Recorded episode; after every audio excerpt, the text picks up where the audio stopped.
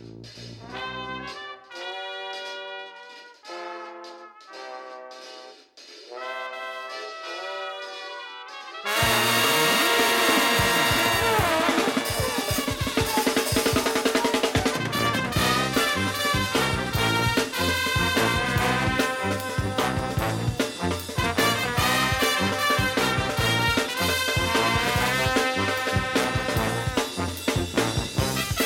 Helo a chroeso i benod 57 o Ysbeidiau Heilog gyda fi, Lee Jones. A fi, Llwyd Owen, lle byddwn ni'n rhoi sylw i'r pethau bach sy'n ei gwahaniaeth mawr i ni yn ystod y cyfnod hollol honco yma sy'n dal yn ymlaen o hyd.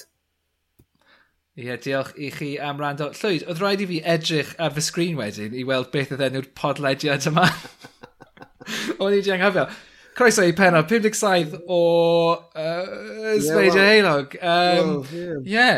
Mae wedi bod yn amser hir, Lises Jones.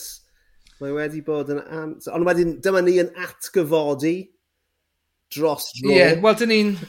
Dyn ni'n ymestyn ein coesau ni oh. am spel. Dyn ni ddim, dyn ni ddim nôl bob wythnos eto, ond mi fydden ni o fewn rhyw rhyw fus Ie, yeah, mae angen, gobeithio. Bydd angen gwyliau arna i ar ôl y benod yma, so fi'n mynd i'r eidl am bythefnos. a wedyn, a wedyn byddwn ni'n ôl ac yn uh, gobeithio gyda chi bob wythnos uh, ar ôl hynny. Ond ie, yeah, um, ti'n mo, fi, fi, fi, fi wedi uh, dod ar rei croesi llwybr gyda nifer o bobl dros y misoedd sydd wedi gofyn, be sydd wedi digwydd, man? Ble, ble, ble mae Sbeidio Heilog? Ydych chi'n dod nôl? A fi wastad yn gweithio nhw taw bai Lee yw e bod ni wedi stopio yn y lle cyntaf. So ti eisiau esbonio i'n gwrandawyr hyfryd ni lle, lle, lle ti wedi bod a beth ti wedi bod yn neud? Wel, just bywyd go iawn. Dwi wedi symud ti... Wel, nid just symud ti, achos mae symud ti yn, bod, mae pobl yn symud ti trwy'r amser, ond ni wedi ail-leoli yn llwyr, ti gadael Llundain, ac yn byw nawr ar arfordir gogledd ddwyreiniol Lloegr, uh, yn Whitley Bay, ger Newcastle. Sef Penarth Newcastle yw Whitley Bay, ynddo fe? Ie. Ie, sy'n. Tories i gyd yn byw. Mm, falle. Wel na, actually, Tynemouth di, di lle mae'r Tories i gyd. Dyn ni'n ni, enclave yn fama. Wff, uh, wff, bach o, bach o ffraneg hwnna. left, left wing, left wing middle class people. A dwi, dwi, uh, beth yw'r dywediad yna? Uh, Fog on the tide is all mine, oh mine? Na ti. Y fersiwn Cymraeg o Like a Pig in Shit. O, oh, fel mochyn yn y cachu. Wel na, mae hwnna'n... Oh, ti'n gyfieithydd. Pam ti'n... Mae hwnna'n... just rwy'n ei wneud. Fi just yn ei gyfieithu fe. Nes ti'n glywed fi? Nes ti'n glywed fi? Dyna pam, Do, nes Dyna pam dwi'n cael hanu'n dda i gyfieithu. Ie. Wel, wel, dyna hysbyseb. Mochyn yn y cachu! Beth yw e? Mae yna ma idiom Gymraeg am hwnna, yn does? Mae idiom Cymraeg am bopeth, ond dwi ddim yn gyfarwydd gyda'r un, am yr un am fod yn fochyn mewn cachu. Ond o nawr mlaen, dyna beth yw e. Yn fy olew neu rhywbeth fel. Ie, yeah, fel. Sa eisiau clywed yn e? dy olew di, diolch yn fawr ni. Ti'n gallu gweld, dyna pan mae'r ma pen mor sgleiniog. yn edrych bach yn same shit. Mae mor sgleiniog, beth sy'n digwydd yma yna? Just y golau mewn Ydy, wel, ti'n meddwl, mae'n trofannol yma, lan y môr. Ydy, wel, I mean, yeah. ti'n meddwl, so, yeah, so... actually gallu clywed y gwylanod uh, tu allan i dy ffenest di. So... O, oh, ie, yeah. wel, ti eisiau siarad am gwylanod. Dwi, dydy gwylanod ddim yn boblogaidd iawn Um, Cont a chips, fel maen nhw'n cael ei galw yn uh, Canarfon. Yn Canarfon. Wel, dwi... Um, dwi wedi clywed nhw dros yn hysfona. Dwi, dwi, dwi actually yn hoffi gwylanod, controversial as that may be, yeah. achos yn gyntaf, dwi'n meddwl, mae lot o bobl yn meddwl, maen nhw'n dweud, maen nhw'n yn edrych yn evil, yn dyn nhw, yeah. pobl yn dweud hynna. Ond dwi'n meddwl, dwi meddwl bod nhw'n brydferth. Maen nhw'n edrych fel albatrosses fach. Yndyn. I fi. A maen nhw'n ma nhw yn brydferth, os ydych chi'n edrych arnyn nhw trwy'r trwy lens yna. Ac y thing yw, ar ddiwedd y dydd, dwi wedi penderfynu i symud i fyw ar lan y môr, a mae Gwylanod yn symbolaidd o, o'r, or hinsawdd yma. Yr hinsawdd na ac i, nid yr hinsawdd, yr awyrgylch a'r, ar tirlun yma. Maen nhw'n ma nhw rhan o beth sy'n gwneud ar lan y môr yn lan y môr. Felly, ie, yeah, pam fysych chi'n cysau hynny? Mae man yma chi dweud, wel, dwi'n cysau'r môr, pam ti'n byw ar lan y môr te? O'i ti beth wedi cael, dy, well, os, os gwylan beth wedi ymosod arno ti? Na ddo, na, dwi'n rhi streetwise am hwnna. Ti wedi gweld, ti wedi gweld, Maen nhw'n ma nhw fawr, ond mae ma menydd nhw'n fach. Mae gennym nhw ymenydd fel walnut. Ti'n gwybod? Os dwi'n cael... Os, os dwi ddim yn mynd i cael fy outsmartio gan un, un ohonyn nhw. No chance. Dwi'n dwi, cofio. Ond... um, un bore allan am dro gyda Elian, am sydd Elian yn fabi, ac fi'n lli cofio cerdded ar draws um, Ceia Llandaf, un bore, oedd hi tua 5 o gloch y bore achos oedd hi methu cysgu ac o'n i jyst wedi allan o'r tŷ. A oedd roed bod yna nith gwylanod ger llaw. A so ni'n cerdded ar draws y ceia, just cae, um, A dyma dwy wylan jyst yn dechrau daif bom o fi. Um, so oedd rhaid bod ah. neith neu yn, yn aml, maen nhw'n nhw, nhw ymosod arnoch chi os, os mae un o'i cywion nhw wedi cwympo allan o'r nith hmm. yn dyn nhw. Mm. Ac, yn, ag, ag, ag, ar y llawr yn, uh, yn agor eto iawn yeah. i niwed. So, ia, yeah, fi'n fi cofio, o'n i'n gwthio'r bygu gyda Elian yn fe, rhedeg ar, ar draws ceir Llandaf gyda dwy wylan yn daif bom o dros fy mhen i. Just, just Elian yn y bygu yn pimp o gloch o bore yn nid Elian a bag o chips. o, dim chips yn agos at, at ei bod. Dim chips. Ond ie, yeah, oh, yeah, ond ie, um, yeah, ti'n mo, fuck it out. Wel, ie, dwi'n yeah, dwi meddwl falle, falle bydd fy, fy, uh, fy marn i ohonyn nhw'n newid os, di, os nhw'n troi. Neu os nhw'n nythu ar ben fy nhoi. Well. Achos dwi'n gweld nhw'n nythu ar ben toiau pobl eraill ar y stryd, a dwi'n meddwl bod hwnna'n yeah. edrych Wel, dyma, um, dyma, shit. dyma beth arall yn fy mhrofiad i gyda Gwylanod, oedd amser symudon ni i y tŷ yma nôl yn 2009, oedd, oedd Gwylanod yn nythu ym bron pob simnau ar y stryd ar y pryd, a yn aml wedyn, amser oedd y cywion yn treol hedfan ac yn methu hedfan, oedd o'ch chi'n dod gartre, gweud bod chi'n dod gartre ar ole, ced troi lawr stryd ac oedd yna cyw gwylan ar y stryd o'ch chi'n meddwl, oh shit, oedd rhaid i chi redeg am eich tŷ achos oedd y rhieni yn ymosod arno chi. Ond, ie, uh, yeah, God. so dim, dim, dim ond chips. Well, nhw'n... Uh, well, apparently, mae ma, ma, ma gwylanod yn monogamous hefyd. Ydyn nhw? ffaith nes i ddysgu. Ydyn, maen nhw'n... Fel so penguiniaid? Dod nôl at y gilydd. Ie, yeah, a puffins. Mae nhw'n dod yeah. nôl at y gilydd. Uh, Hwrddo. Blwyddyn hwrddo unwaith. Uh, Tair eiliad. A gymlaen yn Sorry. Ie. Yeah. Ymddiheiriadau mawr. Gewn ni wneud e eto. Na. dim, dim tan blwyddyn nesaf. Swnio'n gyfarwydd iawn, Llwyd. Ydy wir, ydy wir. oh, man, yeah, anyway, uh, Gwylanod, Whitby Bay. So, yeah, ti wedi bod yn symud, ti wedi symud ti, ti wedi symud ardal, ti hefyd wedi newid gyrfa. Do, Do, dwi, dwi troi'n hefyn i ar gerddoriaeth achos mae cerddoriaeth yn shit yn diwedd llwyd. Ti'n cytuno gyda hynna? Ddim yn off i cerddoriaeth. Um, na. Mae yna gormod ohono fe. Lot gormod. A, a does dim digon um, o newyddion, oes e? Does dim digon o newyddion yn y byd yma, Lee. So, na, goes. Dyna beth sydd angen mwy o newyddion, please. Ie, yeah, dwi wedi camu i'r bwlch. Dyna idiom Cymraeg i ti. Um, uh, uh, yes, a so dwi'n newydd i dirwr i Corgi Cymru. Uh, a ti'n cael lot. Ti'n un o'r newydd i dirwyr mwyaf poblogaidd hefyd o, o be fi'n gweld ar yr uh, rhestrau straeon mwyaf poblogaidd ti'n cael ei, uh, ei rhannu ar-lein? Ti wedi cael lot o, uh, well, lot o hits? Dwi'n dwi dwi, byw fy, myw, fy mywyd i gyda un dywediad yn fy mhen, sef give the people what they want. dyna, dyna pam dwi yma nawr, pod grefftio. Ie, yeah, man. Ie, yeah, na, gret. Wel, ti'n ma, ma, ma, ma, ma, ma, oedd e'n newid mawr i ti, fi'n gwybod, ond, ti'n ma, ti, ti, ti, ti, eisiau sy'n llwyddo, so gwych man, a ti'n, ti'n ma, gobeithio bydd e, bydd y, bydd y swydd yma ddim yn effeithio arno ti yn yr un ffordd ag oedd y swydd flaenorol a'r un cyn hynny yn neud yeah. o bryd i'w gilydd. Yeah. Ti'n mo? Ie, yeah, croesi bysedd, ie. Yeah. Ond, ie, uh, yeah, dwi'n siŵr byddai'n ffain. Yeah, dwi'n sgwennu am, am job nawr, dyna beth dwi wastad wedi eisiau gwneud. Cyn, cyn music, dyna beth ni eisiau gwneud oedd sgwennu. Oce, okay, cwestiwn. So, Gan yeah. bod wedi stopio gweithio yn uh, diwydiant cerddor iaith, cerddor ol, Uh, ydy hwnna'n golygu bod ti'n nawr yn gwrando mwy ar uh, gerddoriaeth? Achos oedd na adeg lle o ti'n ti, ti, ti gwrando ar gymaint yn y gwaith, o ti ddim wedyn yn gwrando ar pleser. So ydy hwnna wedi newid ychydig bach ti? Uh, na, nid eto, ond dwi'n bwriadu, dwi'n bwriadu newid hynna. Uh, achos o'n i'n gwrando i gerddoriaeth am bleser pan o'n i'n teithio i waith. Dyna oh. pryd o'n i'n gwneud lot o'r gwrando ar gerddoriaeth.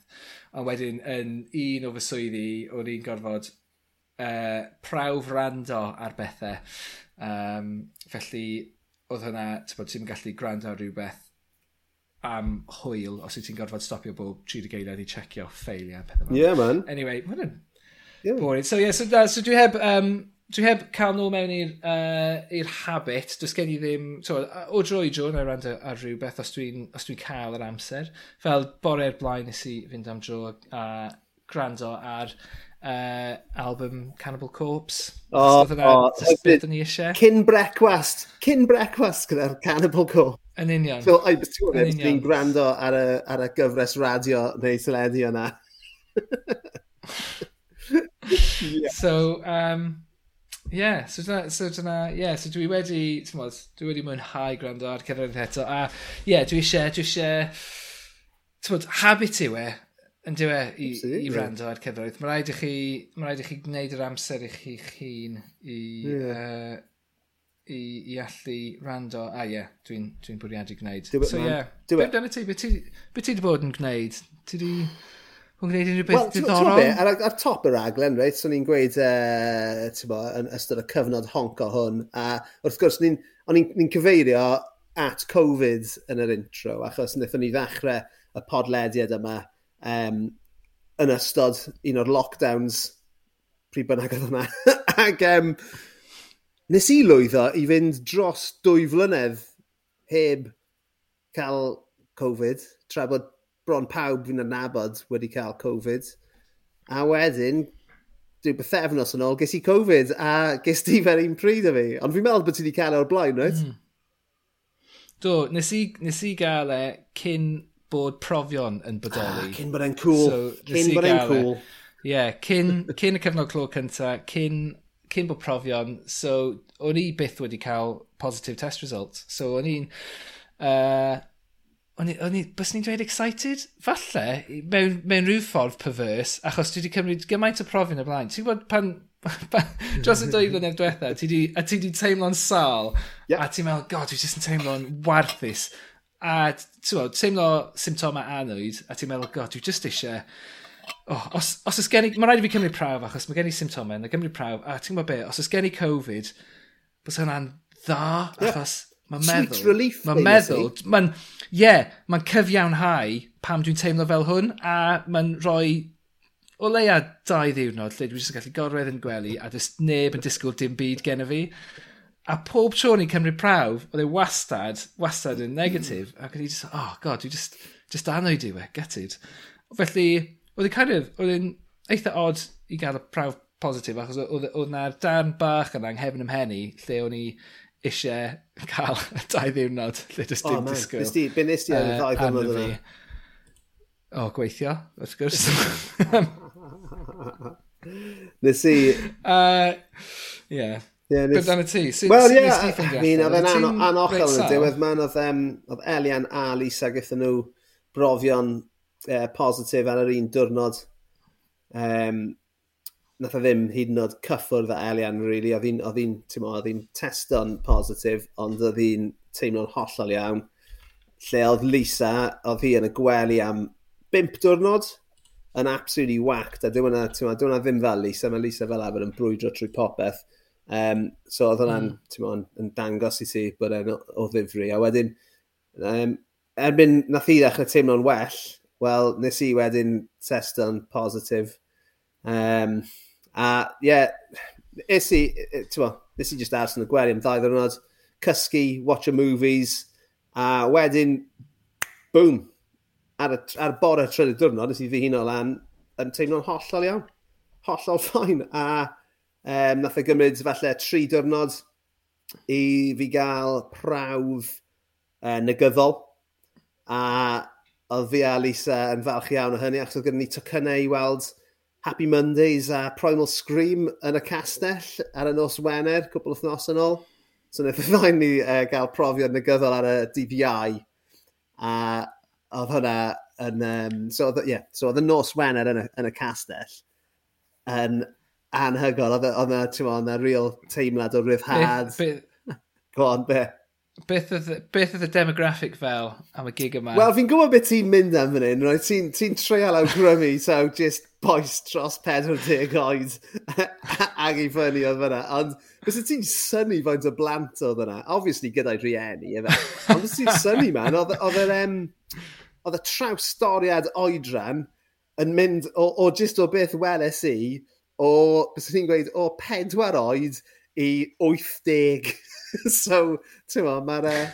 Mae'r... Um... falle dydyn nhw ddim yn 80, falle fydden nhw jyst i cymryd gormod o ecstasy back in the day. Actually, na. Just Sean, Sean, Sean Ryder o'n i'n edrych arno yn gweud hynny. Uncle Festa.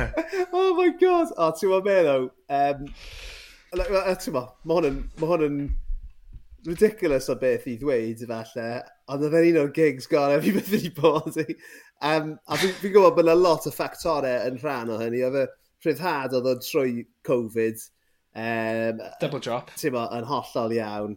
Ond just, mae'r ma lleoliad, ydyn nhw os ti beth wedi bod i Castell Caerdydd, ond mae fe'n lle, ti'n mae'n lle, fel, fel lleoliad ar gyfer gigs o'r seis yna, mae fe'n amazing. Fi, fi wedi bod na i weld, wel, tafwyl wrth gwrs, so fi wedi gweld nifer o fandiau, a mae fe wastad yn thrill, uh, a tyma, gwylio'r headliner, a gweld yr hael yn machlyd uh, e, tu ôl y llwyfan.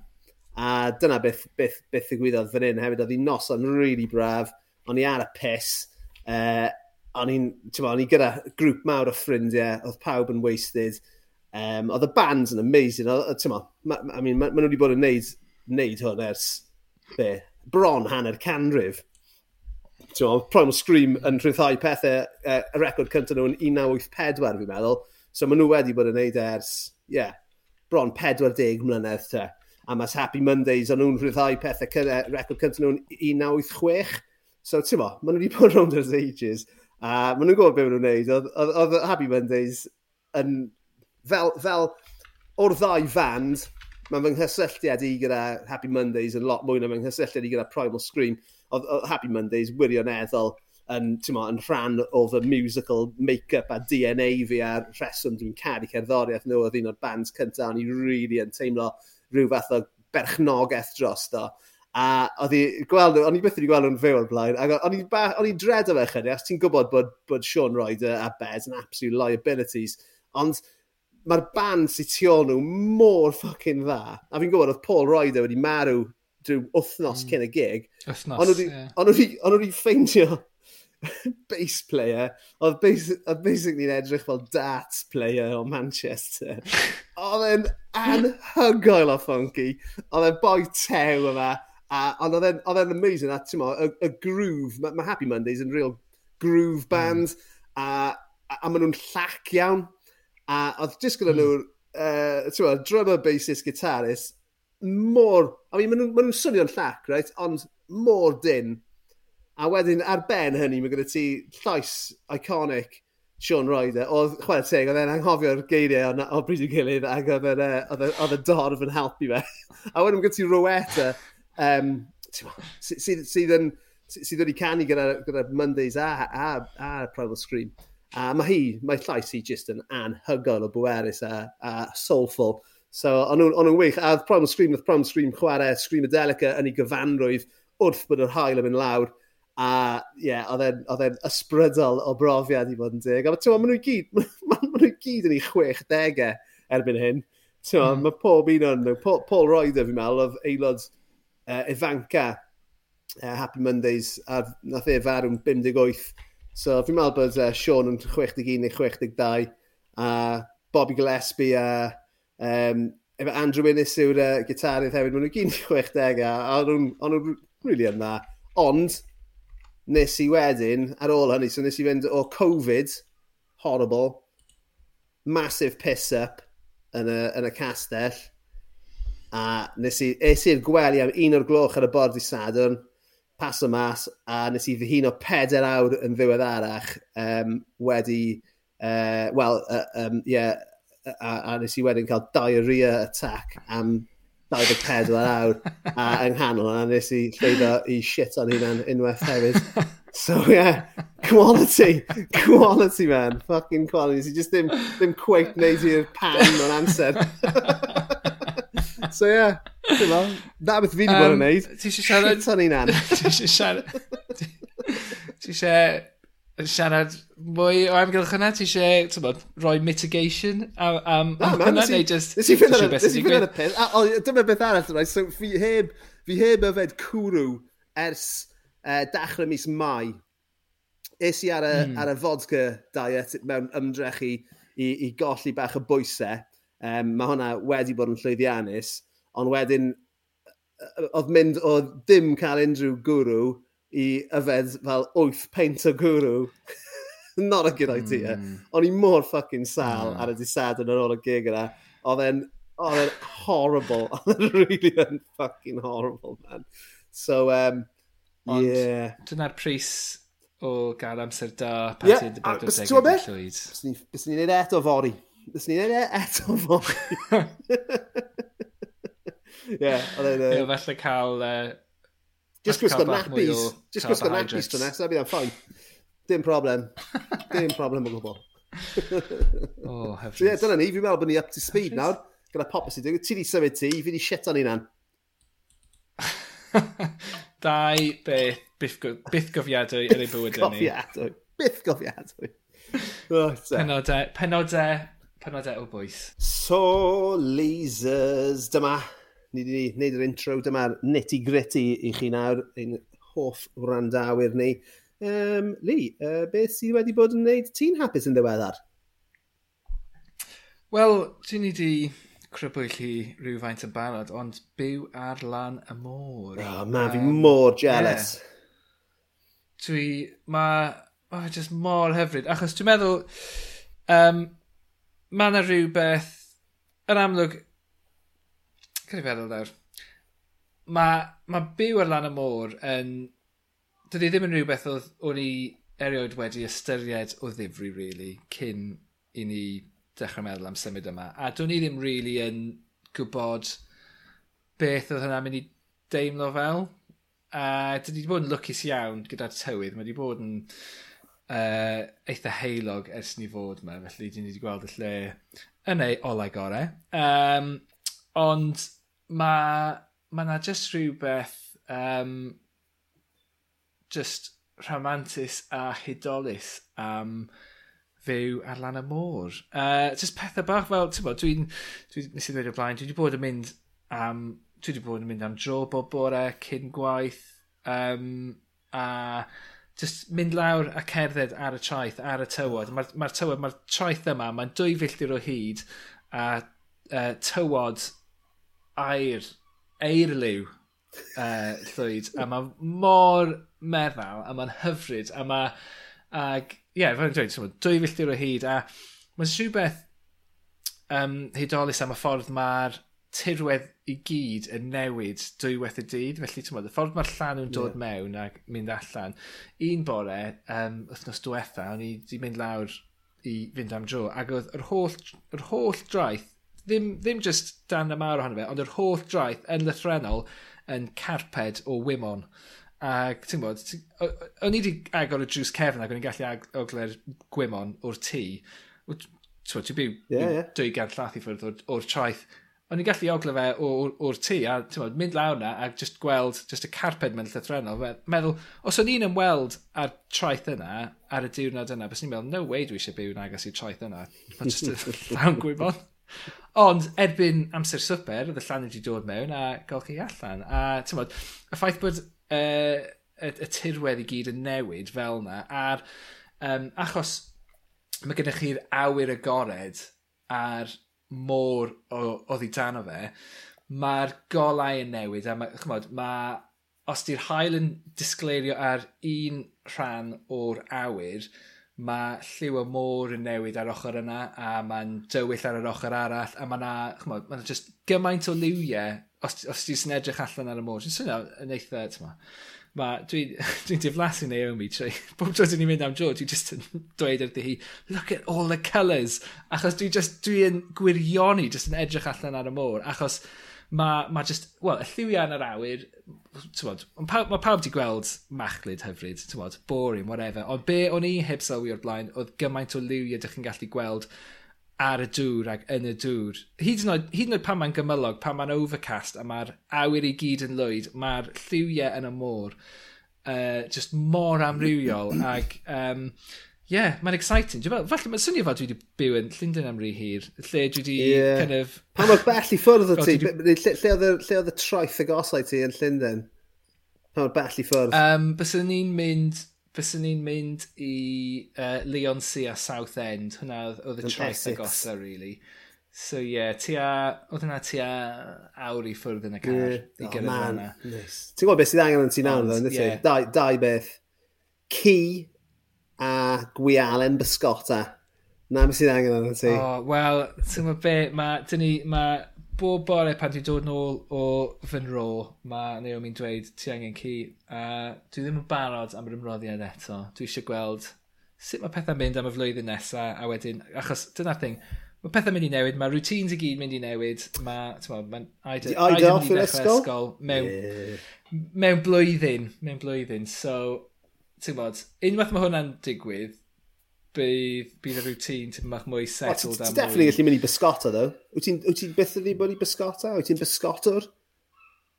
Mm, nid really. Um, Ond dwi'n siŵr bod yna bysgod. Mae yna ma, forloi yn, yn byw i fyny wrth y gyleidi yma.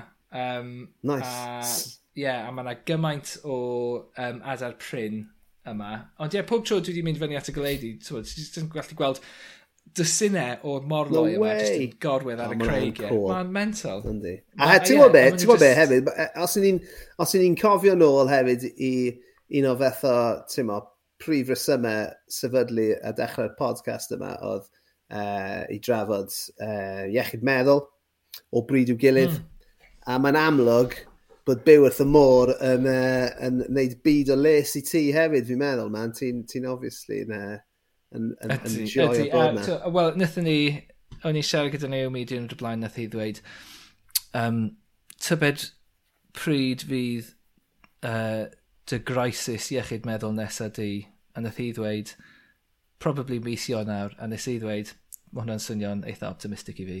Um, so, gan i weld pan mae'r ma uh, nosau'n dechrau yeah. uh, mynd yn hirach a dys dim gole a mae'r gwynt yn chwipio mewn o'r môr. A, dwi gwil, siwr, a gwylanod yn ymosod arna ti. Ie, yn union. Dyna, hwnna, hwnna bydd y drobwynt. Pan mae'r ma, gwylanod yn troi arna fi, dyna pryd, that'll be my joker moment. Well. Ond, uh, ond am y tro, mae pob dim yn hyfryd. A ti'n gwybod, tîm awr, uh, ar lan y môr. A ma'n, yeah, just... Uh, What a bastard. So far, so good. Society. Yeah, yeah man, fi'n hollol jealous. Hwna yw fy mreiddw di. Mae'n mor syml o hynny, fi eisiau byw wrth y môr rhyw ddydd. Uh, proli ar ôl i'r merched adael gartre nawr. So, uh, yeah, fi'n beri bach. Lle, lle ar lan y môr? Ti'n mynd i brynu ail di? Dwi'n meddwl ymhellach na, na just... Wel, rhywle lle, ti'n mynd, mae o leia rhywun arall yn byw yn yr un pentre fe chi. so, yn ystod y, yn ystod y geiaf. Ond na, na ni, ni ebryd i'n meddwl mwy na hynny, ond sy'n ni yn really hoffi. Just fel, just fel ti'n gweud, man, just gallu mm. cerdded allan o fy nhi a bod ar y traeth o fewn 5 munud. Yna gyd, yna gyd. Mm. Mae just, mae fe'n ma fe mor basic, ond mae e just mor hyfryd. Um, yeah. yeah, so na, ti'n ti, ti, ti, yeah. ffodus iawn, Leasers. Ydw, ydw, a dwi, dwi yn uh, ymwybodol iawn o hynny, o ba mor ffodus ydw i i, uh, i allu byw yma. Um, a ie, yeah, just, uh, mae'n hyfryd, just yn hyfryd. Na gyd dwi'n gallu dweud. Nice, nice, nice. so, um, Be amdano ti te llwyd? Be sydd wedi bod yn gadw dyn hapus dros y dros y pedair mis diwetha. Wel, I mean, mae lot, o be lot o bethau wedi. Um, cyn bod fi'n ymlaen at fy mhrif beth i, o'n i'n mynd i ddewis... Gyd ti restr. Y clip, ti, ti definitely wedi gweld y clips, so ti'n rannu, o'r clips o'r ddau hen fwy mewn tafarn yn Abergyfenni. nath wneud beth o'n oh nhw'n meddwl oedd line o coke, ond nath nhw'n wneud lines o ketamine, A wedyn dyma i ffrindiau nhw, neu o leia, y locals yn ffilmio y ddau bensiynwr yma, y ddau nhw mewn K-holes yn y pub ar fel nos fawrth. a mae yna ma tri gwahanol fersiwn o'r, or digwyddiad ar-lein. O, mae un o'n nhw o tu allan y dafarn gyda beth sy'n swnio fel bechgyn ifanc yn ffilm nhw o tu allan a jyst yn chwerthin. A wedyn mae'n dau fersiwn o tu fewn y pub hefyd.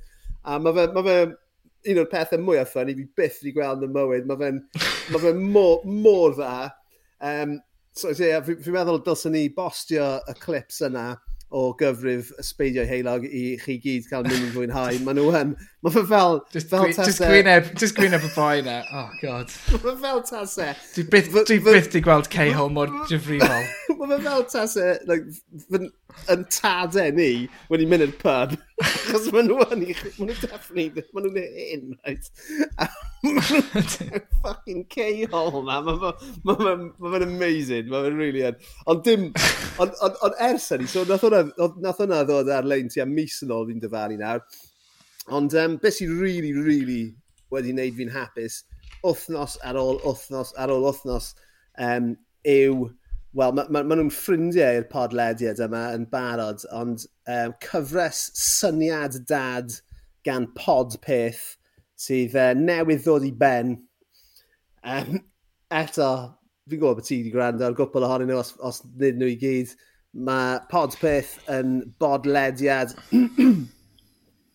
un o'r podlediadau Cymraeg greiddiol. Maen nhw'n honi, ond nhw'n gwneud podlediadau nôl yn 2011 Uh, ond mae'r ma, ma podlediadau yna wedi mynd ar goll, apparently. So, uh, so gen nhw honi be maen nhw'n moyn. Ond na, maen nhw'n sicr wedi bod yn... Um, Ho Howell Pitt a Iwan Pitt y brodyr wedi bod yn cynhyrchu ac yn rhyddhau podlediadau ers, wel, ti'n bo, degawd erbyn hyn. A erbyn mm. hyn, mae gyda nhw Elin Griffith, uh, yn rhan o'r tîm hefyd sydd yn dod a mae hi, hi fel voice of reason yn hanol y, y, y, y chaos.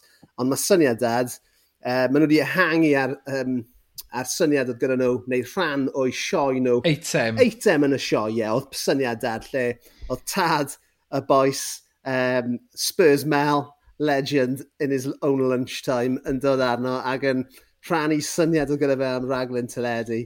Um, a nawr mwyn wedi gwneud cyfres o, fi'n meddwl bod deg penod a maen nhw gyd. Mae di, ie, yeah, mae di, ma di ehangu o syniadau am regleu, uh, rhagleion? Rhagleion. Rhagleion. Mae'n meddwl wedi sefygleion. Dwi'n angen pwysio reset. Mae'n syniad mor weird. Rhagleion yn ffain. Syniad fod dwi wedi just gwneud hwn.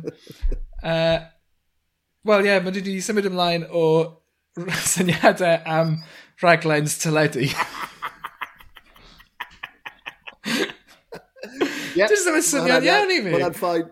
Mae nhw'n symud line ar a mae yna syniadau mwy eang, ti'n gwybod, fel uh, dyfeisiadau bydd yn gwella'r byd, neu, uh, ti'n gwybod, falle, falle fi ddim yn gwella'r byd, uh, er enghraifft. Ti'n beth yn mynd i wella'r byd. Rhoi pan pipes ar, rhoi pan pipes ar uh, melyn wynt. Oh, ond anyway, um, os nag i chi ein gwrandawyr ni wedi gwrando ar pod peth, mae ma, ma hon yn lle da i ddechrau, achos mae'r ma pedwar llais yn, uh, yn, yn, tymo, yn unigryw. Mae'r ma, ma brodyr Hywel ag Iwan tymo, yn, yn dod â perspectives gwahanol at bethau, ond mae'r ddau nhw yn ddoniol iawn ac yn ffraith. Mae Elin, fel fi'n gweud, Elin Griffith, mae hi yn y canol yn fel rhyw fath o voice of reason. Mae hi'n mae hefyd yn helpu nhw gyda'i uh, gyda Cymraeg yn aml. Ond wedyn, ser yn y sioe heb os yw Spurs Mel a Tad yw Anna Howell a amser dwi'n gwrando ar y sioe, a, a, a, a mae rhaid ni fod yn onest, mae syniadau fe yn gachu rhan o'r amser. Wel, rhan fwyaf o'r amser. um, nath e droi lan, e nath e droi lan i un, un penod, a cyflwyno syniad, oedd e wedi cyflwyno tua tair mlynedd yn ôl a so oedd e'n gwneud eitem a mae fe'n un o'r, un o'r, ti'n mo, I mean, yn aml ni'n ni ffonio hi mewn ar y podlediad yma li, ond ie, uh, yeah, na Speak for yourself. Na Spurs Mel mynd â fe i lefel arall. Ond be, be fi'n fi caru fwyaf amdano fe, mae'r cynnwys wrth gwrs yn ddoniol, achos os mae chi'n gofyn i i'ch tad gyflwyno syniadau, sydd wastad yn cynnwys um, Malcolm Allen a Nick Parry uh, bob tro. a, a, a, yeah, fel arfer Elin Fleer hefyd. um, Mae ma, ma briliant. Ond mae'r ma, berthynas sydd rhwng uh, Spurs Mel a'i fech yna, e, i feibio yna, uh, a Elin hefyd wrth gwrs, ond mae ma, ma, ma fe'n... Be fi'n trio gweud? Fi'n gobeithio bydda i'n gallu cynnal perthynas debyg gyda fy mhlant i, achos maen nhw'n amlwg yn rili really agos, yn, yn caru gyda'r cymaint, ond maen nhw hefyd jyst yn cymryd y pus allan o'i gilydd yn llwyr. Um, yn enwedig, mae ma Iwan yn brutal. Yn ddibaid. Ond mae ma, ma, ma Iwan yn brutal tuag at ei dadau. Ac hanner amser, sa'n meddwl bod Spurs, mel, hyd yn oed yn clywed. Um, a falle dyna yw, yw uh, sylfaen ei perthynas nhw. Ond mae fe'n hyfryd, mae, mae ma, ma real cynhesrwydd fyna, mae ma fe'n dwy'n galon. Um, ag, ag ar ben popeth, mae fe'n ddon, ma wirioneddol yn, yn, yn ddoniol, um, a fi'n caru fe. A mm. hefyd, a hefyd um, hats off, hefyd, ma, ma, yng nghanol y cachu yma fel ar y zip, lle y, y syniad oedd ar y zip oedd yn llythrenol, Malcolm Allen a Nick Parry yn, yn, yn, yn raso i gilydd lawr y zipwoi yn Bethesda. Um, a e, ti'n hwnna oedd y raglen. Gwisgo, gwisgo gwisg yeah, fancy. Absolute shit. Basically, absolute cachu. Um, um, ond on, on, on, nath e ddod lan gyda dau syniad. Um, un syniad oedd, oedd e eisiau gwneud um, musical allan o un o sol y leiad. Um, mm -hmm. Ac wrth gwrs, does dim musical, ond mae'na, fi'n meddwl bod y Welsh National Opera yn gwneud uh, opera o un o sol a leiad. Right? Mae hwnna wedi cael ei, ei, uh, ei gyhoeddi yn ddiweddar. A wythnos diwetha... Ar... Sut, di, sut mae hwnna'n hwnna gorffen, tybed? Ti'n meddwl bod y, y gan olaf, y nodyn, y gair a'r nodyn olaf yn hwnna, jyst yn mynd, mam! yeah, yeah. Bydd na, byd na losgach cociau, um, yeah, bach, o, bach o lofryddiaeth. I mean, basically, beth sydd, beth sydd ym mhob opera yn y byd, fi'n meddwl, yw hwnna. So, uh, it's all good. A, a wedyn, yr ail syniad, just ar benod wythnos diwetha o syniad dad, y syniad oedd, uh, er, neu er, enw'r syniad gan Spurs Mel o Telly Box, oedd e'n rip-off llwyr o Goggle Box, a trwy gydol y benod, oedd, oedd, oedd Mel yn mynd, mae'r syniad yma'n mynd i gael ei wneud, mae'n mynd i gael ei wneud, a wedyn ddoi, mae S4C yn cyhoeddi bod nhw'n wneud fersiwn Cymraeg o Goggle Box. So, I mean, gobeithio bod Mel yn mynd i gael reimbursement bach, uh, neu uh, mod, bach o back sheesh ar gyfer uh, y syniad. Wel, bys ni eisiau enwebu nhw i fod arno fe, dwi'n meddwl. Oh, bys, uh, oh. bys yr pedwar hwnna yn rhagorol ar hwnna yn bydden nhw, fel ti'n dweud. Achos dyma, dyma beth sy'n mor dda ar, am, am syniad dad uh, yn ymwedig. Mae pob peth yn amazing, a, a, dwi'n meddwl bod arnyn ni ddyled iddyn nhw fel podlediad. Um, ond syniad dad yn ymwedig, pan oedd, pan oedd yn eitem ar, uh, ar y raglen arferol, oedd e wastad yn teimlo fel um, just agor llenni ar prawn sil yn eu cartref nhw. Achos oedd e, oedd e wastad yn, oedd gennych chi'r teimlo, wel, siŵr o fod, oedd nhw'n mynd draw i D Spurs Mel, tîm mam a dad, am ginio sil a wedyn cael ginio sil a wedyn recordio podlediad a wedyn pawb mynd adre. Dyna, dyna os ydy hynna'n wir neu beidio, dyna beth oedd yn teimlo fel. Yeah. Ac oedd yn teimlo fel, oedd nhw'n rhannu y prynawn yma. Prynawn, ti'n tymod, uh, digwyddiad eitha, ti'n tymod, um, preifat, really, rhwng aelodau teulu. A tywa, maen nhw'n cael hwyl ac nhw, a maen nhw'n rhannu hwnna efo chi. A dyna'r teimlad trwy gydol yr holl gyfres yma yw, ie, yeah, ti'n modd, mae'n ma wirion a mae'n silly a mae'n ffynnu a maen nhw'n cymryd y pus allan o'i gilydd, ond mae'n ar yr enaid yna i'r holl beth. Yeah. Fel ti'n dweud o'r blaen am, am y ffaith bod hi'n dwy'n galon. Dyna beth yw e, yeah. yw'r mewnwelediad yma i uh, well, bywyd teulu ma. A tyma, mae just yn... Mae'n neis, mae'n braf. A dyna, a dyna, tyma, dyna pam bys nhw mor dda ar Gogglebox oh, Cymraeg. Mae rhaid, um, mae rhaid iddyn nhw cael gwahoddiad i fod ar Gogglebox Cymraeg. Mae ffucking rhaid iddyn nhw. S4C, ni'n ni gwybod chi'n chi gwrando.